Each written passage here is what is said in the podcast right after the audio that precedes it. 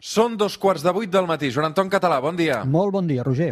A quina hora ha sortit avui el sol? Quan han passat dos minuts d'un quart de vuit. 3, 2, 1, seganya!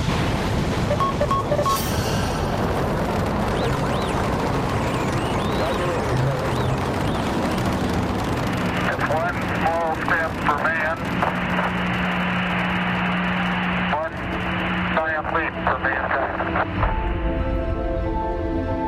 Joan Anton Català, com va la vida? Molt bé, Roger, molt bé, aquí tirant. Això és la Terra es plana, la veu científica del suplement cada diumenge a l'hora que surt el sol, astrofísic, astronomia, químic quàntic, una mica de tot. Uh, I tot seguit per uns oients fantàstics, Joan Anton, que no ens mereixem, perquè fins i tot ens corregeixen algunes de les coses que diem a, a la secció. A veure, hem rebut alguns missatges aquesta setmana. Què diuen? Mira, és que és fantàstic, és el que ara deies. Eh, és increïble no només que segueixin el programa, sinó que, a més, trobin errors, la qual cosa agraïm moltíssim. Doncs mira, un senyor que es diu Víctor Roig ens ha fet arribar un correu electrònic al programa dient que en el programa que parlàvem de l'oxigen i que jo explicava el que eren els cruiximents, les agulletes Sí. famoses en Sí. castellà, els cruiximents, jo deia que era produït per uns cristalls d'àcid làctic que s'acumulaven a la musculatura i ell corregeix i diu que avui se sap que això ja no és així, com es pensava, sinó que són eh, degut a microlesions que es, pro, que es produeixen a la musculatura. Eh, I ho he, ho he buscat i efectivament té raó el Víctor, llavors moltíssimes gràcies al Víctor per la correcció. Fantàstic, doncs el Víctor i a tots els oients també que ens, que ens adrecen els seus comentaris, en positiu, en negatiu o amb correccions. Avui amb el Joan Anton Català um, he anat al CCCB, Joan Anton, aquests últims dies, I què t'ha semblat? amb una exposició que es diu Mart al planeta roig, el planeta vermell, ara no ho sé. El mirall, ne- el mirall- el mirall vermell. El, mirall vermell, correcte. Uh, M'ha agradat molt, m'ha Sí, agradat és- molt és perquè, molt clar, xulo. és que Mart eh, és a l'ordre del dia, eh, és el planeta que, sens dubte, està de moda i que doncs, té més incògnites que, que ens plantegem des de la Terra, eh, i tenim aquest Perseverance, Mhm. i, i he volgut anar, a més a més, hi he anat acompanyada de la Mariona Badenes, Home, que és home. aquesta catalana fantàstica de 26 anys que vol ser astronauta i que va camí d'aconseguir-ho. Sí, no, no ho dubtis, eh? Eh, Farà el que vulgui, perquè és un crac. Aquesta noia és un Aleshores- crac, la Mariona. Vam fer aquest recorregut pel CCCB per aquesta exposició tan fantàstica. Uh, vam enregistrar aquesta entrevista amb la Mariona Badenes, que aviat, aviat es podrà sentir el, el suplement uh, i que, per cert, uh, hi volia tornar després uh, uh, per, per veure-la doncs, amb més calma uh, i sense estar treballant aquesta exposició i està absolutament esgotat uh, perquè, a més a més, crec que els diumenges a la tarda uh, és gratuïta i, i fa que molta, molta gent hi vulgui anar. Mhm. No- no aleshores, crec que ja tens fins al juliol, vull dir que espero Sí. que també es relaxi una mica. Sí, sí. Tu t'ha agradat, t'ha agradat, eh? Molt, paga la pena. Jo, jo el primer que vaig dir, jo vaig anar a la, a la inauguració, vaig tenir el, el privilegi de poder anar a la inauguració, i vaig sortir d'allà amb la sensació d'haver somiat, i així ho vaig piular per xarxes. Per mi és una exposició per somiar perquè Doncs bueno, fan- et fa com, com una inspiració del que és mar, no, no, des del punt, no ja des del punt de vista científic, sinó històric i del que significa Mart, i és molt, molt maca. Doncs eh, convidem també tots els oients de- d'anar-la a veure. El que passa és que una mica de paciència i sobretot reserva, reserva pel que fa a entre setmana i reserva també sobretot eh, pel que fa a les mesures Covid, perquè clar, eh, hi ha límit d'aforament.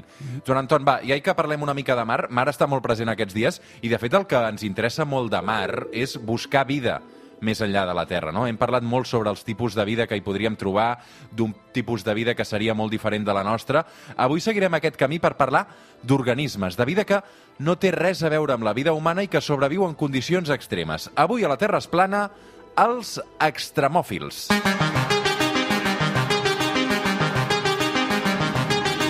D'entrada, Joan Anton, què vol dir extremòfil?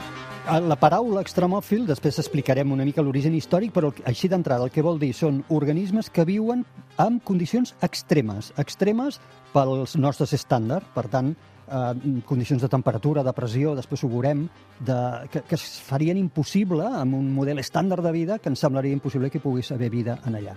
Clar, Joan Anton, perquè quan parlem i quan pensem en vida a la Terra, normalment ens venen al cap humans, animals, Clar. Però, clar, això sembla que és l'excepció, no? Clar, eh, estem esbiaixats, lògicament, per una, per una òptica humana, i, i sí, sí, el que deies ara, nosaltres seríem els estranys, no els extremòfils, nosaltres seríem les, les coses rares, no?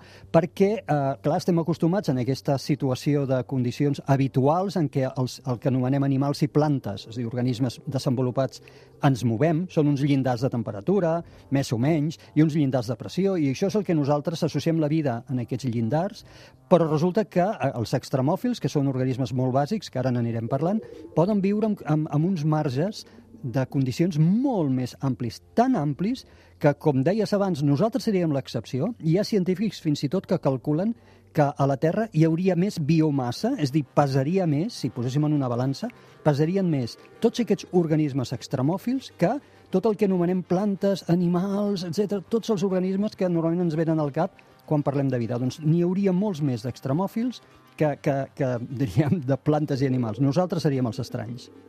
Escolta'm, aquestes condicions extremes, eh, per tant, les posem nosaltres segons el que necessitem per viure, no? Clar, és, és la visió aquesta que dèiem sesgada, esbiaixada, que tenim. És una visió antropocèntrica, que n'anomenem, és dir, humana. Nosaltres mirem al nostre voltant i per nosaltres, doncs, 25... La resta són els diferents. Clar, 25 graus de temperatura nosaltres és confortable, està, me, està molt bé, en canvi 120 és un infern, no? I ara anirem veient que justament hi ha organismes que so, és justament en aquestes condicions de temperatura on no només sobreviuen, sinó que es desenvolupen, que és els seus llocs ideals. El mateix passa amb, amb la pressió. Nosaltres aquí estem submesos a una pressió atmosfèrica d'una atmosfera. És el que ens pesa la columna d'aire que tenim per sobre, que no ho notem perquè hem nascut així, no? Uh, clar, però no ens puguem imaginar que hi hagi organismes que puguin suportar mil cops aquest pes a sobre sense esclafar-se, no? Doncs no només hi són, sinó, com et deia, que es desenvolupen perfectament. És, justament són els entorns que ells busquen per desenvolupar-se. Escolta'm, quan vam descobrir els extremòfils per primera vegada, Joan Anton? Això ve de l'any 1969 i els anys següents, on es van descobrir els primers organismes simples que sobrevivien en condicions extremes a un dels llocs mm, preferits, meus preferits de, del món, que és el Parc Nacional Yellowstone, als Estats Units. És una meravella de parc. Doncs a les zones geotermals d'aquest parc en condicions de temperatura per sobre dels 70 graus, que clar, 70 graus, en aquell moment, mm, recordem, anys 70 del segle passat, eh, se sospitava, es pensava que no hi podia haver organismes que poguessin sobreviure als 70 graus, doncs, com et deia, un fet inesperat, no només sobrevivien, sinó que reproduïen en aquell entorn. Fins a aquell moment es pensava que els 60 graus marcaven el que seria el límit, el que diríem per sobre 60 difícilment la vida pot sobreviure. Doncs ja et dic, el, els anys 69 i posteriors, a 70, més de 70 graus de temperatura es descobreixen organismes a les zones geotermals de Yellowstone. Escolta'm, quan els van batejar així els extremòfils? D'on surt aquest nom? Clar, aquest nom el va començar a emplear l'any 1974 a partir d'una publicació d'un científic que es diu Mark, Mark Elroy, on justament parla d'aquest tipus d'organismes que són capaços de viure en condicions que nosaltres consider consideraríem letals, eh? per la major forma, la, la majoria de formes vives que es coneixien. I d'aquí surt el nom, extremòfil, a l'any 1974. He sentit a dir que eh, la majoria dels extremòfils són procariotes. Això què vol dir exactament? Clar, coneixem com dos grans tipus de cèl·lules, d'organismes basats de, de les cèl·lules dels organismes. Els procariotes són els més senzills. Són cèl·lules, estan formats per cèl·lules, són, eh, de fet, organismes unicel·lulars, tenen una cèl·lula, on no hi ha un nucli diferenciat. Així com les cèl·lules dels eucariotes, que som tots els de més, tenim un nucli dins la cèl·lula, on, entre altres coses, hi ha l'ADN o l'ARN, diguem el component genètic, els procariotes no tenen un nucli diferenciat. Són els organismes, per tant, molt més simples que nosaltres. Per exemple, els, el que nosaltres anomenem bacteris són procariotes. I també ho són una, una forma de vida que anomenem arqueobacteris, que encara serien molt més antics i possiblement, no ho sabem segur, però si seguíssim l'arbre de la vida cap al darrere, rebobinéssim el temps, potser serien les formes de vida més antigues que hi ha en el planeta, aquests arqueobacteris.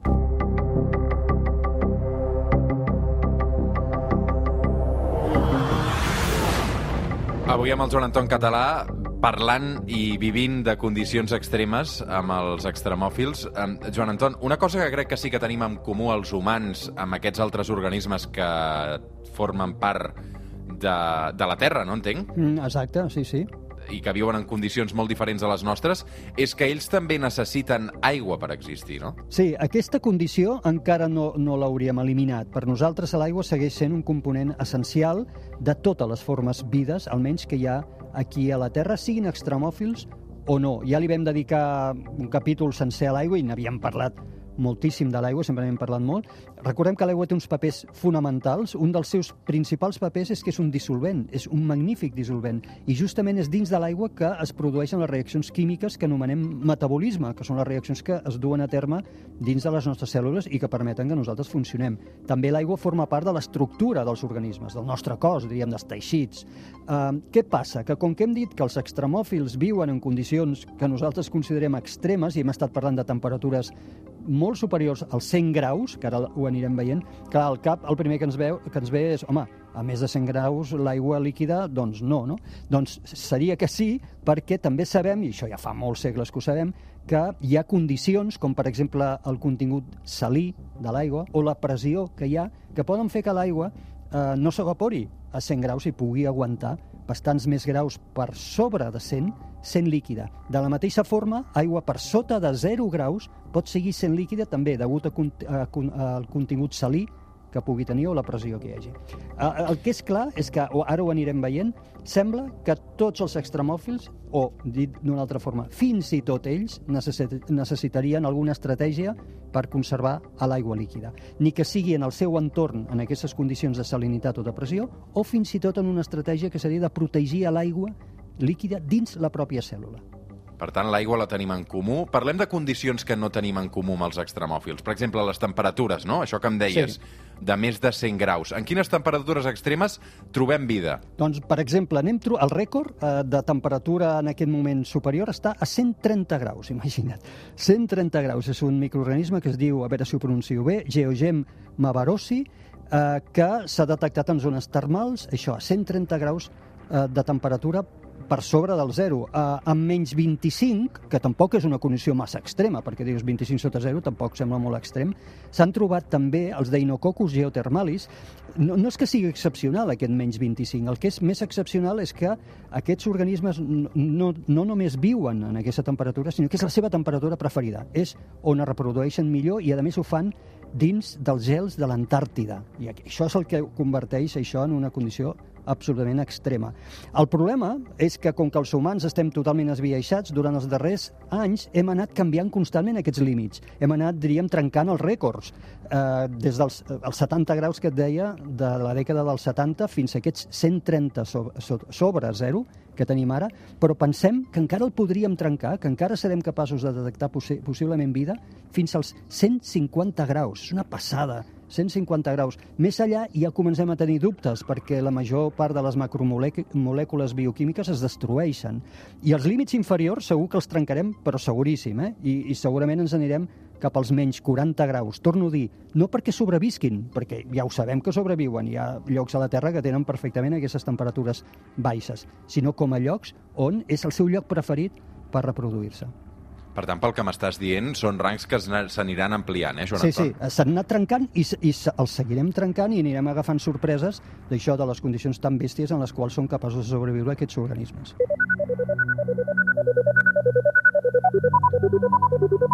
A veure, Joan Anton, doncs passem de la temperatura a la pressió, perquè aquí els llindars crec que no estan tan definits, no? No, aquí és més complicat, les temperatures d'alguna forma, a veure, podríem fins i, les podem fins i tot simular, les pressions també però, les podem simular, vull dir, però és molt més complicat, és molt més complicat estudiar-ho i no tenim clars els llindars. De moment, el rècord actual sembla que el té un microorganisme que es diu Thermococcus piezophilus, que el tio és capaç de sobreviure sota pressions 1.233 vegades superiors a les que nosaltres tenim en superfície. Per entendre'ns, això és com si ens esclafés alguna cosa per sobre que pesés 1.233 cops més que tota l'atmosfera, tota la columna d'atmosfera d'aire que tenim per sobre. Però alguns estudis que s'han fet eh, amb determinats organismes i en el laboratori, no en condicions normals, diríem naturals, sinó en laboratori, fan que hi hagi organismes que poden sobreviure a eh, pressions 20.000 cops més altes que les que tenim en superfície.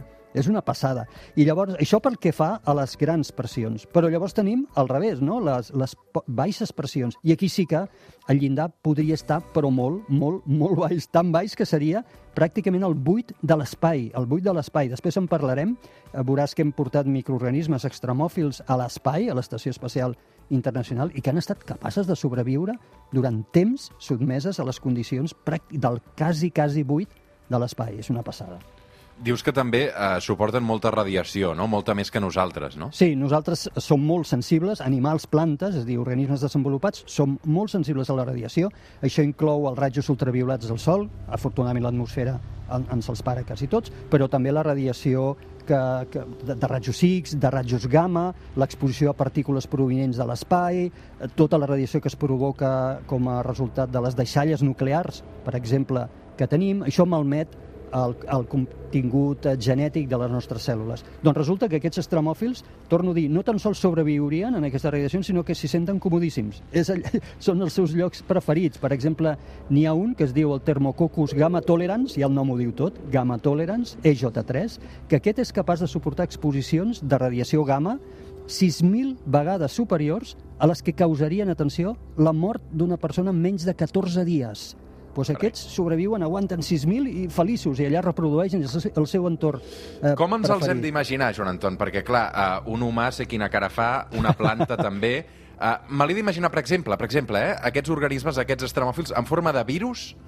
No, de bacteris. Més De aviat, bacteris. Sí, me- més aviat la imatge seria de bacteris. Recordem que el virus encara estem discutint si és un organisme viu o no ho és. La Sí, ciència avui en dia aposta que no ho és. Diríem, és, és una macromolècula, una proteïna amb contingut d'ARN. Bueno, no, no ho complicarem, ho vam explicar un, un cop, però el virus no és capaç de reproduir-se. El virus el que fa és envair una cèl·lula viva i, eh, diríem, capturar el seu component genètic per obligar-lo a fabricar còpies d'ell mateix. Però ell sol no es pot reproduir. Això serien bacteris, eh? serien tipus bacteris que són capaços de reproduir-se. Per tant, organismes microscòpics.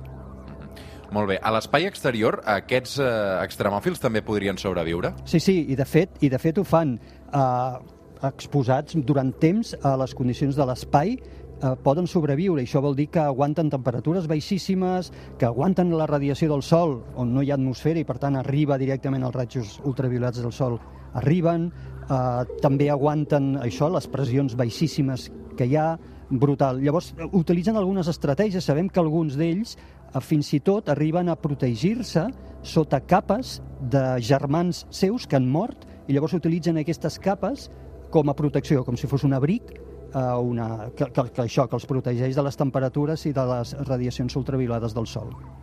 Molt bé. A, a tot això, um, crec que hi va haver un descobriment important uh, aquest uh, agost passat d'un grup de científics japonesos relacionats amb aquests extremòfils, no? Sí, eh, un grup de científics van publicar estudis sobre això, van fer pujar a l'Estació Espacial Internacional tres mostres d'un extremòfil que es diu Deinococcus radiodurans. I el nom també radiodurans, no?, que aguanta la radiació, vindria a ser. Eh, que aquest microorganisme aquí a la Terra, als laboratoris, ja havia demostrat una enorme capacitat de resistir canvis extrems d'això que dèiem abans, de temperatura, de pressió i de radiació. Uh, I què van fer? Van ubicar en el braç articulat de l'estació espacial, recordem que allà hi ha un, un llarg braç articulat que el va fabricar a Canadà, i van ubicar a l'extrem d'aquest braç les mostres d'aquest bacteri i les van exposar a l'espai i cada any, durant tres anys, cada any recollien una de les mostres. Recordem que eren tres mostres, doncs cada any tornaven a entrar una de les mostres i miraven a veure què, què havia passat. Doncs cada una de les mostres mostrava vida. És dir, fins i tot la que havia estat 3 anys a fora eh, mostrava eh, microorganismes vius. És increïble. Com s'ho si fan per pensem- sobreviure? Com s'ho fan Clar, per sobreviure? és el que dèiem abans, no, no ho coneixem gaire, eh, perquè justament ara estem intentant eh, començar a entendre com funcionen. Alguns d'ells sobreviuen de la forma que deia abans. Eh, utilitzen capes de mm, germanets seus que han mort, que no han pogut aguantar, i utilitzen aquestes capes com si fossin aïllants sota, els, sota les quals ells poden a sobreviure. I algunes de les altres estratègies que tenen a vegades és, eh, alguns dels organismes poden, poden passar estadis de la seva vida en forma d'espores, que vindrien a ser, com per entendre'ns, formes alatargades del microorganisme que són capaços d'aguantar i de sobreviure durant molt de temps i quan les condicions són favorables tornar a, a reixir d'alguna forma i tornar a ser actius. Joan Anton, per tant, d'alguna manera també aquests extremòfils eh, poden demostrar o ens ajudaran a demostrar que hi ha vida més enllà de la Terra o no? Absolutament. Jo a vegades eh, ho, ho comento, dic, estem buscant, cercant vida a Mart i encara no entenem què és la vida. En el nostre planeta no entenem què és la vida. Estem esbiaixats i això pensem plantes, animals, eh, no, no sabem què és la vida. El fet de que en el nostre planeta puguin existir organismes que sobreviuen a condicions tan extremes facilita el fet de que puguem pensar que la vida, per tant, almenys la vida elemental de la que estem parlant ara, que la vida podria ser molt freqüent a l'univers, perquè si aquí som capaços de sobreviure en aquestes condicions, clar, això t'obre un ventall de possibilitats a fora, i aquesta és una, un, alhora una lliçó d'humilitat per nosaltres, però també una esperança, no? una esperança de dir, sí, la vida és fàcil que pugui existir a fora. Avui amb el Joan Anton Català un capítol dedicat als extremòfils. Eh, ja ho heu vist, interessantíssim. Per tancar, fem un cop d'ull cap al cel. Què hi veurem aquesta setmana al cel si aixequem la vista, Joan Anton? Primer de tot, dir que la lluna és minvant i tal com explicàvem fa uns diumenges, quan dèiem com mirar el cel, això vol dir que la lluna la trobarem de matinada, durant les primeres hores del matí i ara dia també la veurem. Mart segueix brillant en color ataronjat cada cop menys, però aquests dies fa parella amb una estrella que també brilla de color ataronjat, que és el Debaran, del, de la constel·lació del Taure. Tots dos objectes brillen molt, estan relativament a prop en el cel i són de color ataronjat molt xulo. Uh, I aquí el, que, el, el desafiament que li envio a l'oient és mireu el cel, mireu Mart i el Debaran i decidiu quin dels dos és un planeta i quina és l'estrella. I aquí hi ha alguna pista de les que vam explicar aquella setmana que explicàvem com mirar el cel, que us permetran saber qui és Mart i qui és una estrella. Arroba el suplement si voleu contestar la pregunta que us ha llançat el Joan Anton Català. Arroba el suplement a Twitter, seguiu-nos i comenteu la jugada també amb el Joan Anton. Un plaer, com sempre, cuida't. Gràcies igualment, Roger. Fem una petita pausa i de seguida tornem al suplement.